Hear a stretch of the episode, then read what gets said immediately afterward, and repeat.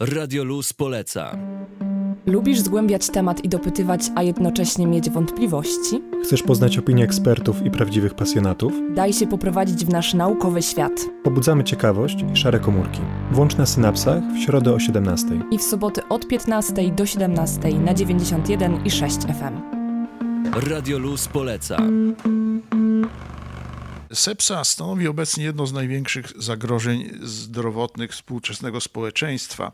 Nie jest to osobna choroba, jest to postać do której dochodzi podczas y, choroby zakaźnej. Każdy z rodzaju choroby zakaźnej może przybrać obraz sepsy, to znaczy niewydolności najważniejszych dla życia narządów. To nie było tak rozróżniane w ten sposób wcześniej i dlatego stało się tak bardzo aktualne w XXI wieku. W przebiegu zarówno grypy, jak i zakażenia e, dróg moczowych, jak i innego rodzaju zakażenia, jak na przykład choroba COVID, może dojść do objawów sepsy i o tym trzeba pamiętać. To jest y, występująca y, powszechnie postać niewydolności narządów przebiegu każdego zakażenia. Nie było to wyróżniane po prostu wcześniej, teraz już jest wyróżniane w klasyfikacji chorobowej, ale nie było to mierzone liczbowo. Dopiero teraz kiedy zaczęto to oceniać bardziej dokładnie, okazało się, że sepsa jest jednym z najgroźniejszych zabójców współczesnego społeczeństwa i te liczby się obracają wokół, wokół 11 milionów zgonów rocznie na świecie przy 50 milionach zachorowań. Więc jest to ogromne wyzwanie i nie jest y, znane publicznie szerzej. Stąd tak ważna jest kampania świadomościowa, to znaczy przesłanie informacji i zainteresowanie społeczeństwa tym problemem, ponieważ wczesne wykrycie sepsy umożliwia jej skuteczniejsze leczenie. Natomiast przypadki późne w postaci tak zwanego wstrząsu septycznego no, charakteryzują się bardzo wysoką śmiertelnością, nawet podczas leczenia na oddziałach intensywnej terapii.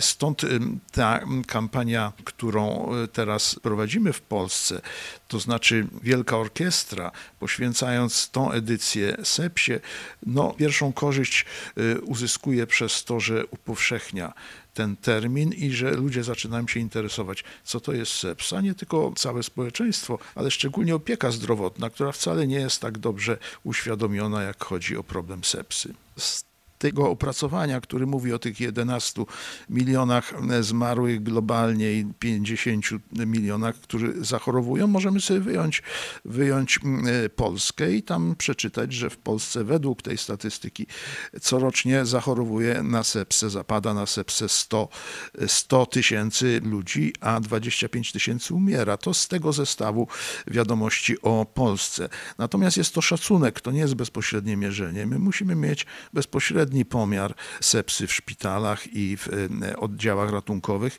i musimy to, e, to wprowadzić tak, żeby wiedzieć dokładnie o jaką, o jaką populację chodzi.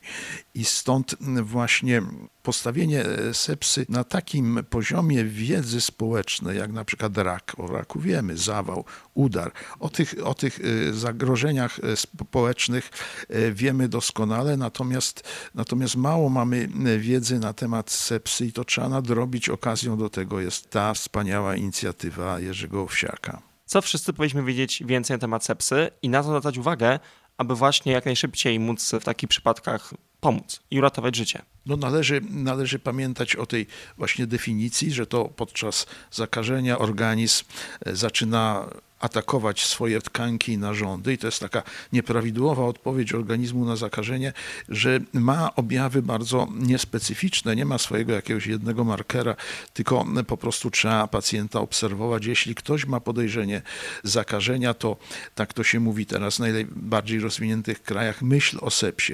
Ktoś ma zakażenie, czuje się coraz słabiej, myśl zawsze, że to jest sepsa. Alarmuj system zdrowotny. Lekarze powinni być lepiej przygotowani, pielęgniarki też, jak chodzi o problem sepsy, gdyż jest za mało szkoleń. Nie ma przedmiotu takiego, e, takiego w szkole medycznej, chociaż jest to jeden z największych zabójców społeczeństwa. Więc trzeba być czujnym, patrzeć na to, że przede wszystkim zmienia się sposób zachowania chorego. Matka mówi, dziecko jest jakieś nieswoje, tak samo mówi córka o swoim dziadku. Zmiana zachowania, a przy tym takie objawy jak przyspieszenie tętna, przyspieszenie oddechu, spadek ciśnienia tętniczego. Po prostu trzeba pacjenta obserwować i mieć to w głowie, że sepsa może wystąpić niespodziewanie i przebiegać niezwykle szybko. Bardzo często każda godzina, wręcz minuta może być na wagę życia. Tak to bywa, szczególnie niektóre bardzo groźne zakażenia, jak zakażenia meningokokowe, tak zwane zakażenia, które występują u dzieci często, one przebiegają, przebiegają błyskawicznie. I dlatego też ze strony medycznej, no to też wymagamy od systemu medycznego, żeby miał takie zespoły szybkiego reagowania. To się nazywa nawet za granicą sepsis teams, zespoły, które reagują szybko na podejrzenie sepsy.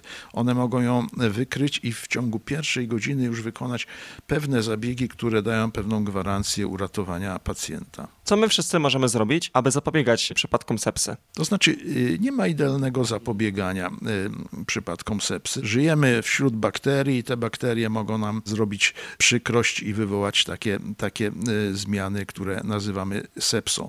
Oczywiście, że należy się strzec przed zakażeniami, to powinniśmy wiedzieć wszyscy, bo to jest higiena osobista, to są szczepienia, to jest mycie rąk, to jest zachowanie pewnych ogólnych takich warunków życia zdrowego, odżywiania i tak dalej, ale to są pewne, pewne też slogany, o których wiemy, niekoniecznie przestrzegamy, a sepsa może się zdarzyć każdemu o każdej porze dnia i w każdych warunkach. I dlatego absolutnej, absolutnego sposobu zapobieżenia sepsy nie ma. O jakim sprzęcie konkretnie chcielibyśmy tutaj mówić, żeby się mógł pojawić między innymi w naszym USK? To jest możliwość wczesnego wykrywania patogenów, czyli wczesnego wykrywania tego czynnika, który wywołuje sepsę. Bakterie czy, czy wirus to możemy teraz wykryć wcześniej dzięki właśnie nowoczesnej aparaturze. To jest jak gdyby drugi element, bo świadomość według mnie to jest najważniejszy element poprawy walki z sepsą. To jest poprawa świadomości i poprawa szkolenia kadr medycznych. Ale ogromnie jest ważne, żeby w y, laboratoriach mikrobiologicznych można było sepsę wykryć o tą godzinę, dwie czy dziesięć y, wcześniej, żeby można było od razu rozeznać się, czy ten czynnik, ta bakteria, jest wrażliwa na antybiotyki, na jaki rodzaj leków jest wrażliwa. I tutaj też każda godzina to oznacza życie ludzkie, więc wprowadzenie nowych technologii do laboratoriów powinno istotnie poprawić przeżywalność pacjentów. My oczywiście życzymy, aby jak najwięcej pieniędzy udało się znaleźć na sprzęt, no i tak samo życzymy jak najwięcej historii, gdzie ta sepsa jest pokonana i jak najwięcej takich właśnie pozytywnie zakończonych historii. Tak, oczywiście, że czekamy na takie pozytywne historie.